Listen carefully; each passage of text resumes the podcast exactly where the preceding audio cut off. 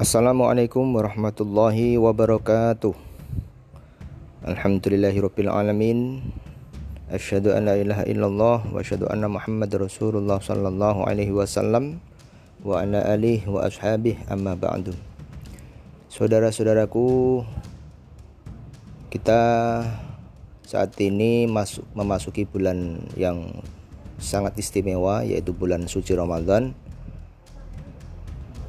Alhamdulillah kita masih diberikan kesempatan oleh Allah untuk bisa bertemu dengan bulan Ramadan dan bisa mendapatkan satu lapangan pahala satu waktu di mana kita bisa mencari pahala sebanyak-banyaknya.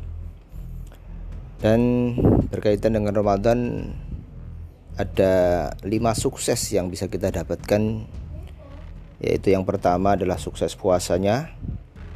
Yang kedua sukses sholat tarawih. Yang ketiga sukses membaca atau tadarus Al-Quran. Yang keempat sukses Lailatul Qadar atau etikaf. Dan yang terakhir adalah sukses zakat fitrah. Oke saudara-saudaraku Mari kita bahas secara lebih mendalam, kita elaborate tentang lima sukses Ramadan. Stay tune, tetap simak. Alhamdulillah jazakumullahu khairan.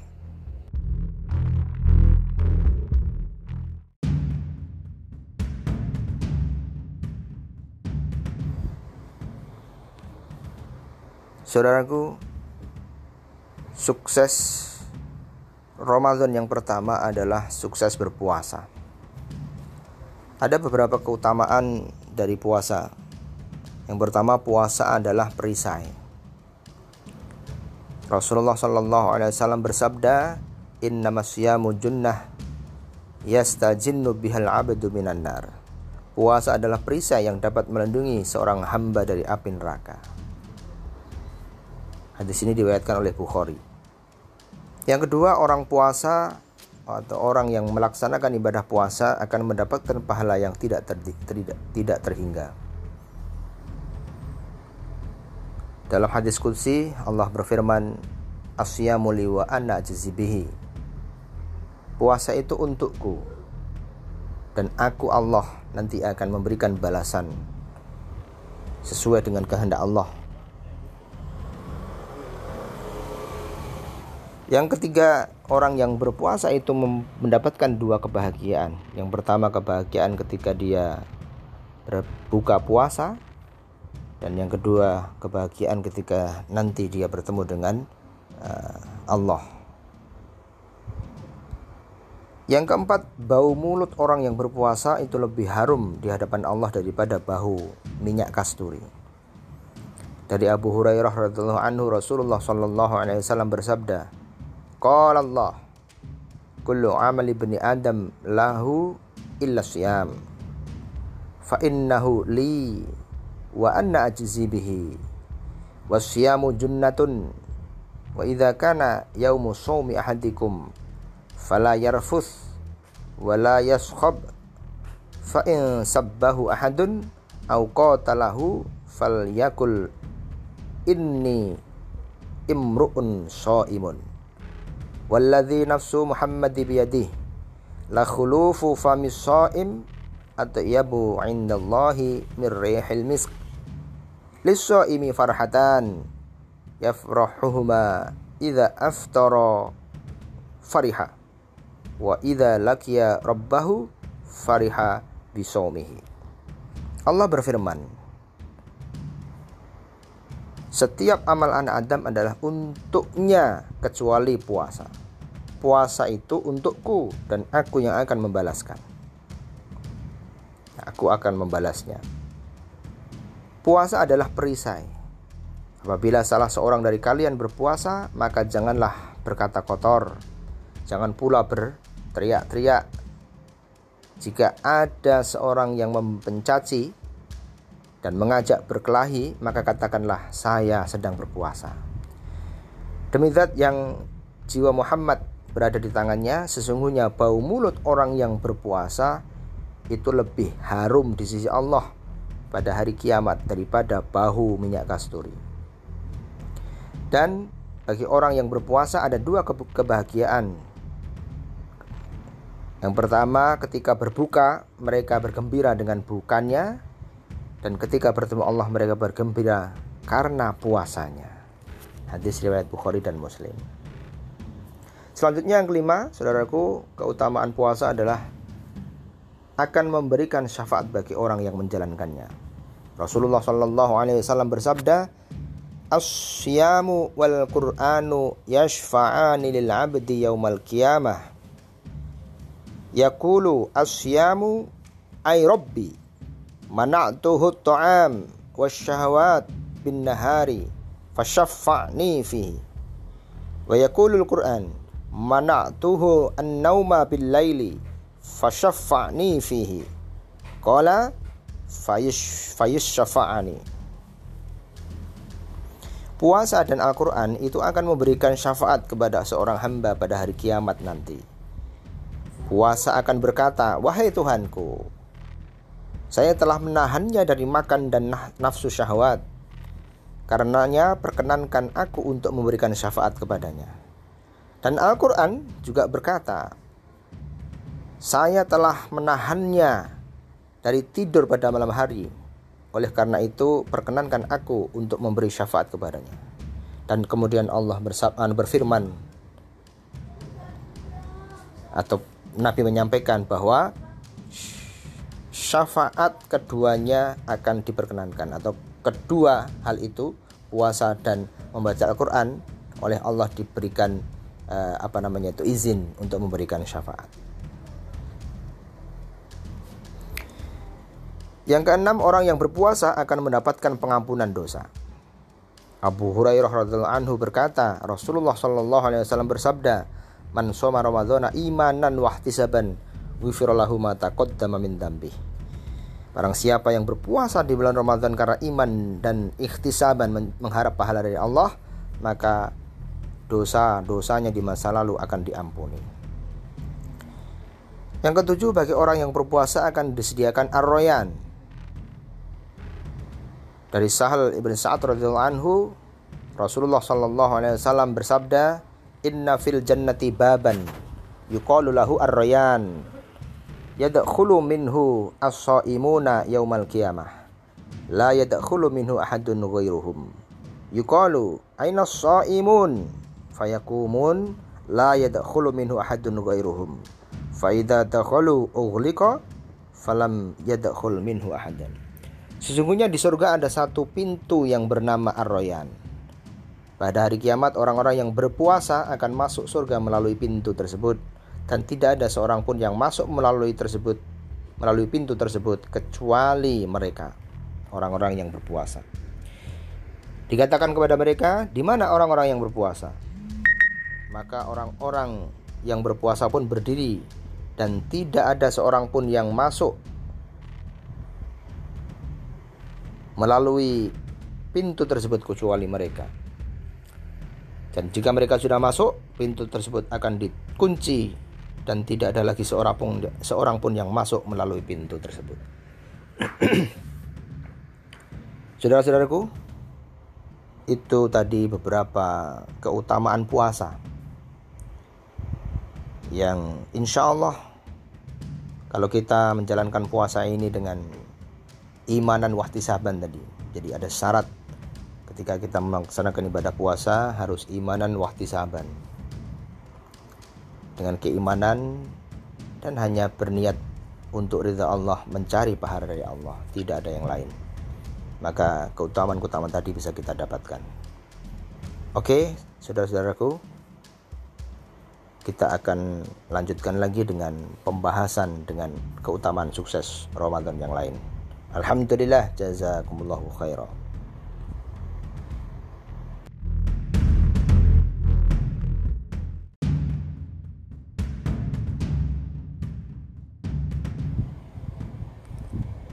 Saudaraku, sukses Ramadan yang kedua adalah sukses melaksanakan sholat tarawih.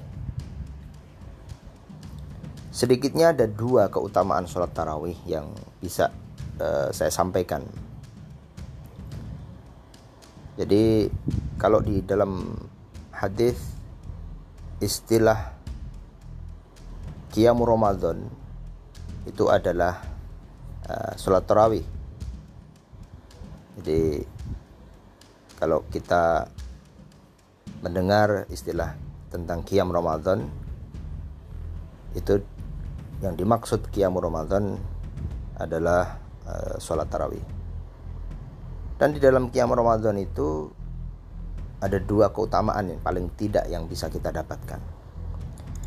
Keutamaan yang pertama adalah Allah Ta'ala akan mengampuni dosa-dosa yang telah lalu bagi orang yang melakukan Qiyam Ramadan atau sholat tarawih dengan penuh keimanan dan mengharap pahala. Bukan karena ria bukan karena sum'ah atau niat yang lain. Hal ini berdasarkan hadis dalam riwayat Bukhari dan Muslim. An Abu Hurairah radhiyallahu anhu qala qala Rasulullah sallallahu alaihi wasallam man qama ramadhana imanan wa ihtisaban ghufira lahu ma taqaddama min dambi. Dari Abu Hurairah radhiyallahu anhu dia berkata, Rasulullah Shallallahu Alaihi Wasallam bersabda, Barang siapa yang melakukan kiam Ramadan, yaitu sholat malam pada bulan Ramadan, karena iman dan mengharap pahala dan ridhonya Allah, maka dosa-dosanya yang telah lalu akan diampuni.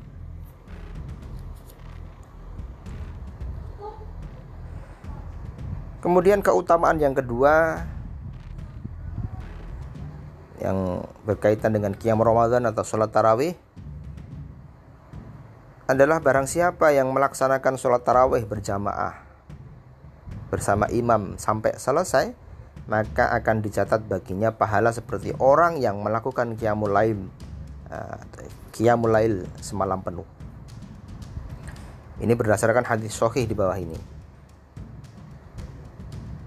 Dari Abu Dzar radhiyallahu anhu bahwasanya Nabi Shallallahu Alaihi Wasallam pernah mengumpulkan keluarga dan para sahabatnya.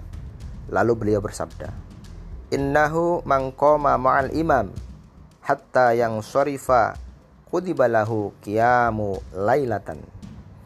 Sesungguhnya barang siapa yang sholat tarawih bersama imam sampai dia selesai, maka ditulis untuknya pahala kiamul lail satu malam penuh. Hadis ini diriwayatkan oleh Nasai juga Tirmidzi serta Ibnu Majah. Jadi paling tidak dua keutamaan tersebut bisa kita dapatkan ketika kita melaksanakan qiyamul lail di Ramadan atau yang biasa disebut dengan sholat tarawih. Sholat tarawih bisa dilakukan di masjid secara berjamaah kalau tidak memungkinkan bisa dilakukan di rumah dengan cara berjamaah satu keluarga. Baik, saudara-saudaraku, itulah keutamaan dari sholat tarawih. Semoga kita bisa mendapatkan keutamaan tersebut dan kita akan sambung lagi dengan pembahasan sukses Ramadan yang ketiga. Alhamdulillah Jazakumullahu khairan.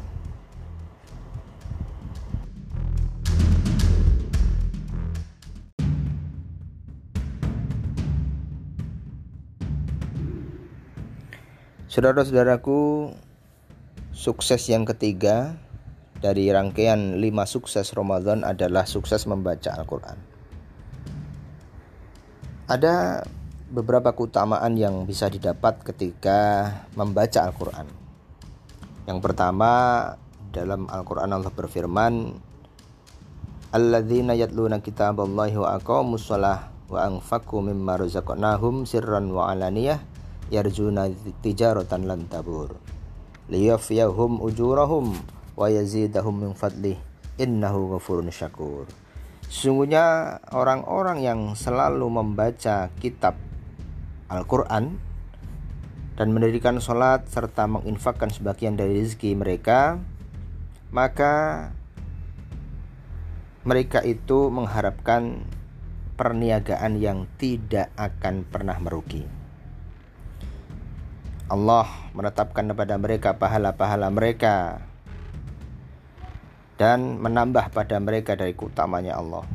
Sungguhnya Allah itu maha pengampun lagi maha mensyukuri. Ada beberapa sisi yang kita bisa lihat. Kenapa kok dikatakan uh, tijarotan lentabur atau perdagangan perniagaan yang tidak pernah rugi? Yang pertama, satu huruf di dalam Al-Quran ketika kita membaca Al-Quran itu diberikan pahala satu kebaikan dan dilipatkan menjadi sepuluh kebaikan. An Abdullah bin Mas'ud radhiyallahu anhu yaqulu qala Rasulullah sallallahu alaihi wasallam man qara'a harfan min kitabillah falahu bihi hasanah wal hasanatu bi asyri amsalihha. La aqulu alif lam mim harfun walakin alifun harfun walamun harfun wa mimun harfun Abdullah bin Mas'ud radhiyallahu anhu berkata Rasulullah Shallallahu alaihi wasallam bersabda Barang siapa yang membaca satu huruf dari Al-Quran Maka baginya satu kebaikan Dan satu kebaikan tersebut dilipatkan menjadi sepuluh kebaikan semisalnya Dan aku tidak mengatakan alif lamim Itu adalah satu huruf akan tetapi alif satu huruf, lam satu huruf dan mim satu huruf. Hadis riwayat Tirmidzi. An Abdullah bin Mas'ud radhiyallahu anhu qala Ta'allamu hadzal Qur'an fa innakum tu'jaruna bitilawatihi bikulli harfin asyra hasanat. Ama inni la akulu bi alif lamim walakin bi alifin walamin wa mimin bikulli harfin asyru hasanat Abdullah bin Mas'ud radhiyallahu anhu berkata, "Pelajarilah, belajarlah Al-Qur'an. Karena sungguhnya kalian diganjar dengan membaca setiap hurufnya sepuluh kebaikan. Aku tidak mengatakan itu untuk alif lam mim, akan tetapi alif, lam, mim setiap hurufnya adalah sepuluh kebaikan. Jadi hadis-hadis ini menunjukkan dengan sangat jelas bahwa siapa pun yang membaca Al-Quran baik paham atau tidak paham maka dia akan mendapatkan pahala yang yang dijanjikan oleh Allah satu huruf sepuluh kebaikan yang kedua kebaikan akan menghapus kesalahan innal hasan innal hasanat yudhibna sayiat di surat Hud ayat 114. Sesungguhnya perbuatan-perbuatan yang baik hasanat. Ketika kita mendapatkan kebaikan, hasanat itu akan menghapuskan perbuatan-perbuatan yang buruk atau sayiat. Menghapus dosa-dosa. Setiap satu kebaikan menghapus dosa. Yang ketiga, setiap kali bertambah kuantitas bacaan, maka bertambah pula ganjaran pahala dari Allah. An Tamim Ad-Dari radhiyallahu anhu qala qala Rasulullah sallallahu alaihi wasallam man qara'a bimi'ati ayatin fi lailah kutiba lahu kunutul lailah. Dari Tamim Ad-Dari Rasulullah bersabda, siapa yang membaca satu seratus ayat pada satu malam, maka dituliskan baginya pahala solat sepanjang malam. Yang keempat, bacaan Al-Quran adalah bacaan yang akan selalu bertambah agung dan mulia terutama ketika dibaca di dalam sholat. An Hurairah anhu qala qala Rasulullah sallallahu alaihi wasallam ayuhibbu ahadukum idza raja'a ila ahlihi ay yajida fihi thalatha khalifati khalifatin idhamin simanin kulna na'am qala fathalathu ayatin yaqra'u bihinna ahadakum fi salatih khairul lahu min salasi khalifatin idhamin simanin. Abu Hurairah radhiyallahu anhu meriwayatkan bahwa Rasulullah shallallahu alaihi wasallam bersabda, Maukah salah seorang dari kalian jika kembali ke rumahnya mendapati di dalamnya tiga unta yang hamil, gemuk, serta besar. Kami para sahabat menjawab, iya. Kemudian Rasulullah SAW bersabda, salah seorang dari kalian ketika membaca tiga ayat dalam sholat itu lebih baik baginya daripada mendapatkan tiga unta yang hamil, gemuk, dan besar. Jadi, saudara-saudaraku, membaca Al-Quran bagaimanapun akan mendatangkan kebaikan. An Aisyah radhiallahu anha qalat qala Rasulullah sallallahu alaihi wasallam al-mahiru bil Qur'an ma'as safaratil kiramil bararah walladhi yaqra'al Qur'an walladhi yaqra'ul Qur'an wa yatata'ta'u fihi wa huwa alaihi syakun lahu ajran. Aisyah radhiallahu anhu eh, Aisyah radhiallahu anha meriwayatkan bahwa Rasulullah sallallahu alaihi wasallam bersabda Seorang yang membaca Al-Quran dengan lancar akan bersama para malaikat yang mulia dan senantiasa selalu, selalu, selalu taat kepada Allah. Adapun orang yang membaca Al-Quran terbata-bata di dalamnya dan sulit ketika membacanya, maka baginya dua pahala. Kemudian membaca Al-Quran akan mendatangkan syafaat. An Abi Umamah Al-Bahili radhiyallahu anhu qala, Sami'tu Rasulullah sallallahu alaihi wasallam yaqulu Iqra'ul Qur'an fa innahu ya'ti yaumal qiyamati syafi'an li ashabi. Abu Umamah Al-Bahili berkata, radhiyallahu anhu berkata, Aku telah mendengar dari Rasulullah sallallahu alaihi wasallam bersabda, Bacalah Al-Quran, karena sungguhnya dia akan datang pada hari kiamat sebagai pemberi syafaat kepada orang yang membacanya. Hadis riwayat Muslim. Dan masih banyak lagi keutamaan yang bisa jadi menjadi motivasi kita untuk terus sesering mungkin membaca Al-Quran. Dan insya Allah bulan Ramadan ini menjadi kesempatan kita untuk Eh, mendapatkan keutamaan dari membaca Al-Quran. Ya, mudah-mudahan kita semuanya bisa mendapatkan keutamaan tersebut. Dan membaca Al-Quran juga salah satu ibadah yang paling agung. An bin Abbas radhiyallahu anhuma dominallahu liman ittaba'al Qur'an alla yadilla fid dunya wala yashqa fil akhirah. Thumma tala famanittaba'a hudaya fala yadillu wala yashqa. Abdullah bin Abbas radhiyallahu anhuma berkata, Allah telah menjamin bagi siapa yang mengikuti Al-Quran tidak akan sesat di dunia dan tidak akan merugi di akhirat.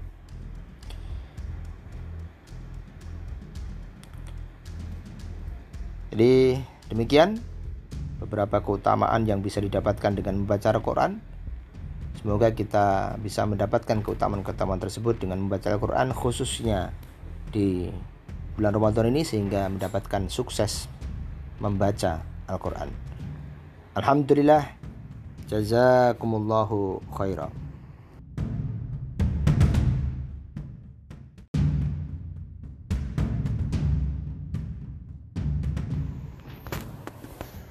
Saudaraku, sukses yang keempat dari tahapan lima sukses Ramadan adalah sukses Lailatul Qadar atau sukses iktikaf. Ada beberapa keutamaan dari Lailatul Qadar.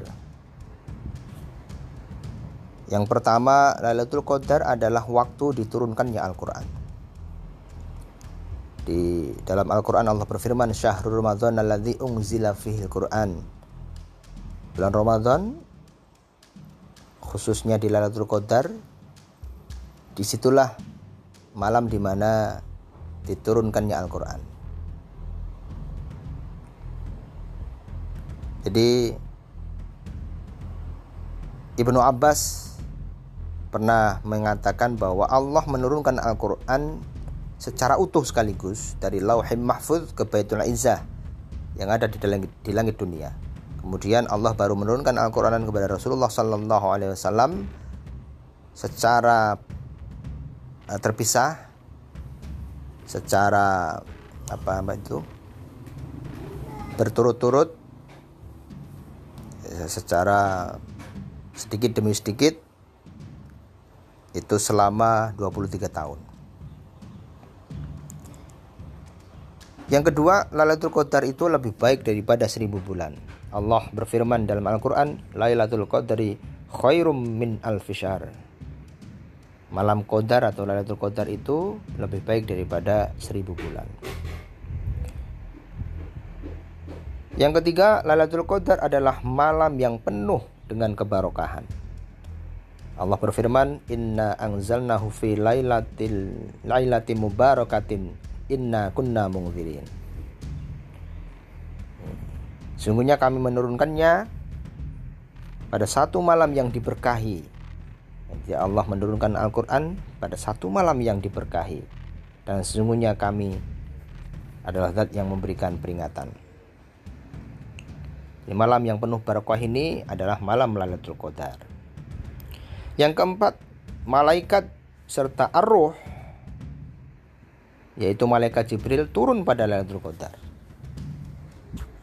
Di Al-Qur'an Allah berfirman, "Tanazzalul malaikatu warruhu fiha." Pada malam itu malaikat malaikat turun dan juga malaikat Jibril. Banyak malaikat yang akan turun pada Lailatul Qadar karena banyaknya barokah pada malam tersebut. Karena turunnya malaikat menandakan turunnya barokah dan juga rahmatnya Allah. Sebagaimana malaikat turun ketika ada yang baca Al-Quran, mereka akan mengitari orang yang berada dalam majelis zikir, majelis ilmu, dan malaikat akan meletakkan sayap-sayap mereka pada penuntut ilmu karena malaikat sangat mengagungkan mereka.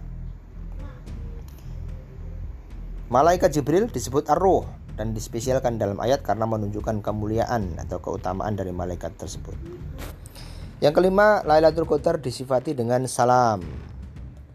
Di Quran Allah berfirman, "Salamun hiya hatta matla'il fajar." Malam itu penuh dengan salam, keselamatan, kesejahteraan sampai terbitnya matahari. Yaitu malam tersebut penuh dengan keselamatan di mana setan tidak dapat berbuat apa-apa di malam tersebut, baik berbuat jelek atau mengganggu yang lain. Juga dapat berarti bahwa malam tersebut banyak yang selamat dari hukuman dan siksa karena mereka melakukan ketaatan kepada Allah. Itulah keutamaan yang luar biasa dari Lailatul Qadar. Yang keenam Lailatul Qadar adalah malam dicatatnya takdir tahunan atau qadar tahunan. Allah berfirman fiha yufraku kullu amrin hakim. Pada malam itu dijelaskan ditetapkan segala urusan yang penuh dengan hikmah.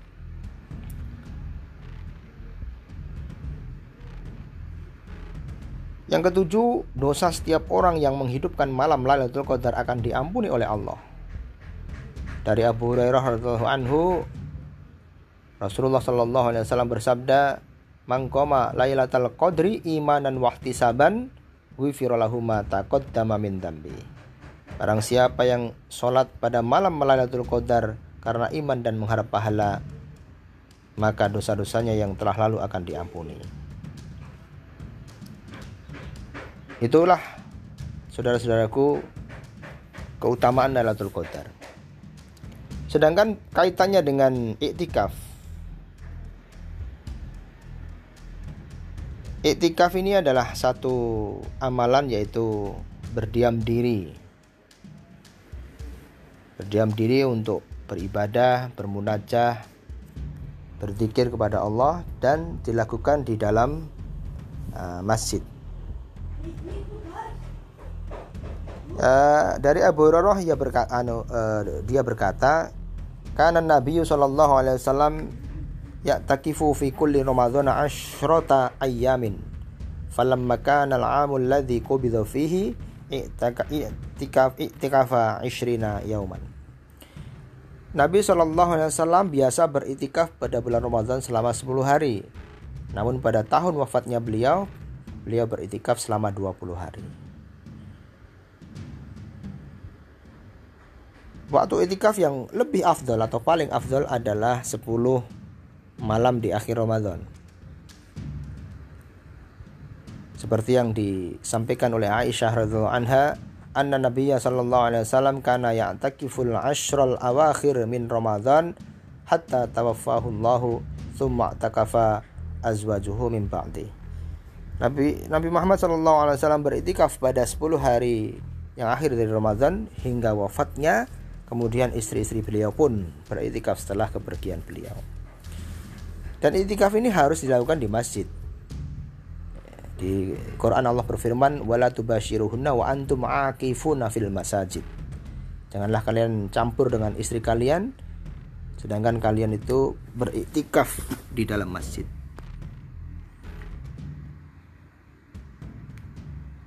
Kemudian iktikaf ini dilakukan dari terbenamnya matahari sampai nanti terbitnya matahari. Jadi pada malam hari. Itikaf itu dilakukan pada malam hari.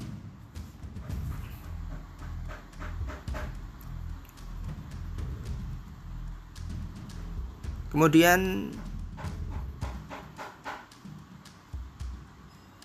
apa yang kita dapatkan ketika kita melakukan itikaf? dalam satu riwayat disampaikan oleh Nabi bahwa ketika kita itikaf dalam satu masjid kemudian di dalam masjid itu banyak sekali orang-orang yang sholat, yang baca Quran, zikir dan sebagainya kita akan mendapatkan aliran pahala dari orang-orang yang beritikaf orang-orang yang beribadah di dalam masjid bersama kita jadi banyak sekali pahala yang bisa kita dapat ketika kita itikaf tapi ketika itikaf itu tidak memungkinkan seperti ketika ada wabah sehingga masjid tidak bisa dipakai untuk itikaf digunakan untuk itikaf maka tetap kita bisa mendapatkan Lailatul Qadar. Kalau pahala itikaf itu harus di masjid, tapi kalau Lailatul Qadar mendapatkan Lailatul Qadar itu tidak harus di masjid. Di mana pun, di rumah pun kita bisa mendapatkan pahala Lailatul Qadar. Baik, itu tadi tentang sukses itikaf dan juga sukses Lailatul Qadar.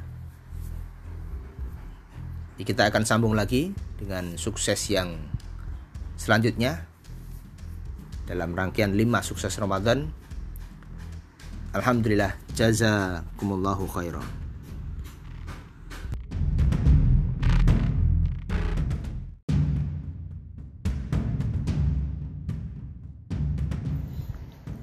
Saudaraku, sukses yang kelima dari rangkaian lima sukses Ramadan adalah sukses zakat fitrah. Seperti yang kita tahu, zakat adalah kewajiban bagi setiap orang iman, setiap orang Islam, dan khususnya untuk bulan Ramadan, kita diwajibkan untuk menunaikan zakat fitrah. Ada beberapa keutamaan dari menunaikan zakat. Yang pertama, Zakat itu menyempurnakan keislaman seorang hamba. Zakat merupakan bagian dari rukun Islam. Dan apabila seorang melakukan, maka keislamannya akan menjadi sempurna. Kemudian yang kedua menunjukkan benarnya iman seseorang. Jadi sesungguhnya harta adalah sesuatu yang sangat dicintai oleh manusia. Sesuatu yang dicintai itu tidaklah dikeluarkan kecuali dengan mengharap balasan dari Allah. Oleh karena itu zakat juga disebut sodakoh. Karena zakat menunjukkan benarnya iman seorang muzaki. Yang ketiga, membuat keimanan seorang menjadi sempurna. Rasulullah Shallallahu Alaihi Wasallam bersabda, La yu'minu ahadukum hatta yuhibbu li akhihi ma yuhibbu li nafsihi.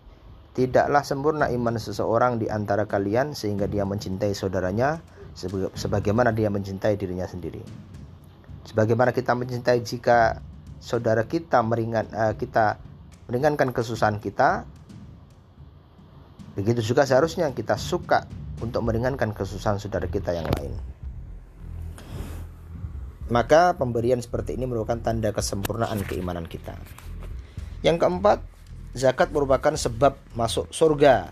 Rasulullah Rasulullah Shallallahu Alaihi Wasallam bersabda, Inna fil jannati ghurufan tura zuhuruha min butuniha wa butuniha min zuhuriha faqama arabiyun faqala liman hiya ya Rasulullah?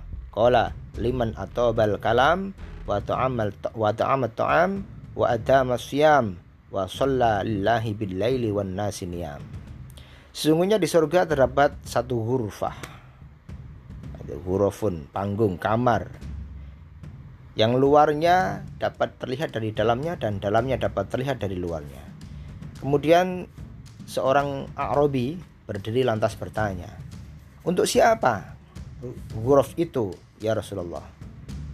Kemudian beliau Nabi Muhammad SAW menjawab, "Bagi orang yang berkata baik, memberikan makan pada orang yang membutuhkan makan di antaranya lewat zakat. Kemudian dia uh, rajin berpuasa sholat karena Allah di malam hari di saat manusia yang lain sedang tidur. Setiap kita semuanya pasti ingin masuk surga.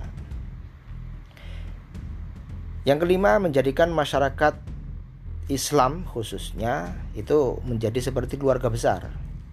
Karena dengan zakat berarti yang kaya menolong yang miskin Orang yang kecukupan, yang berkecukupan akan menolong orang yang kesulitan.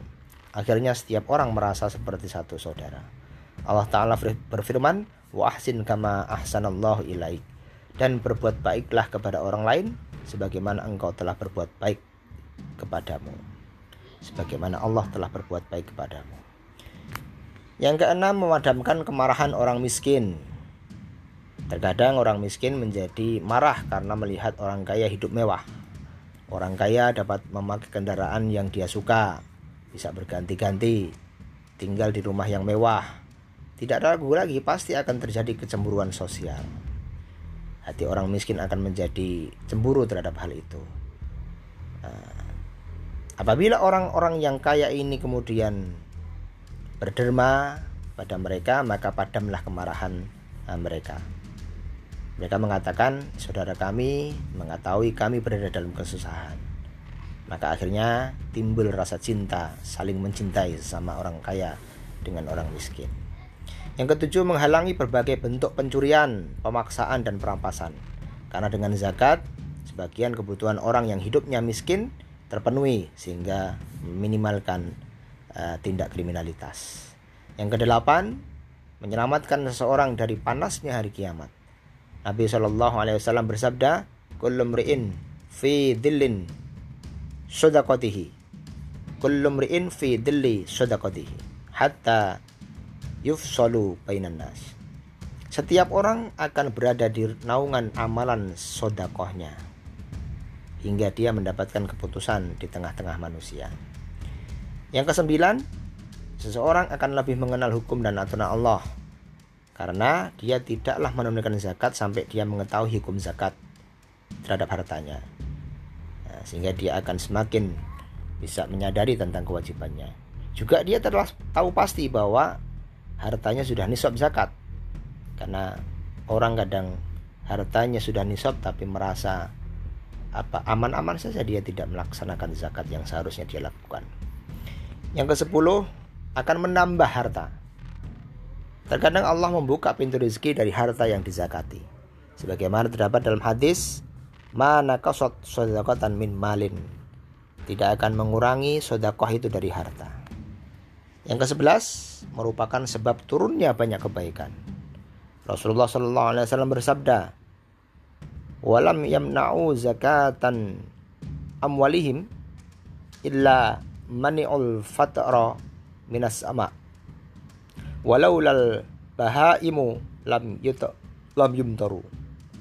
Tidaklah suatu kaum enggan mengeluarkan zakat dari harta-harta mereka melainkan mereka akan disegah dari mendapatkan hujan dari langit. Sekiranya bukan karena binatang-binatang ternak niscaya mereka tidak akan diberi hujan. Jadi kalau kita zakat maka akan membukakan rezeki yang lain. Yang kedua belas zakat akan meredam murka Allah sebagaimana disebutkan dalam hadis inna sadaqah la tutfi'u ghadabar rabb wa tadfa'u mi tatasu Sedekah itu dapat memadamkan murka Allah dan mencegah dari keadaan mati yang tidak baik yang jelek. Yang ketiga belas, dosa akan diampuni. Rasulullah Shallallahu Alaihi Wasallam bersabda, wasodakatu tutfiul khoti'ah kama yutfiul ma unnar. Sedekah itu akan memadamkan dosa sebagaimana air dapat memadamkan api. Baik saudara-saudaraku, itulah tadi keutamaan dari zakat yang bisa kita dapatkan. Jadi lengkaplah sudah lima sukses Ramadan. Mudah-mudahan kesempatan Ramadan ini kita bisa mendapatkan lima sukses tersebut dan semoga apa yang saya sampaikan ini bisa menjadi hikmah, bisa menjadi inspirasi untuk bisa membuat kita semakin termotivasi untuk beribadah. Sekian, mohon maaf atas segala kekhilafan. Kurang lebih saya sebagai manusia biasa tidak luput dari uh, kealpaan. Saya mohon maaf yang sebesar-besarnya. Uh, Alhamdulillah jazakumullahu khaira billahi taufik wal hidayah. Assalamualaikum warahmatullahi wabarakatuh.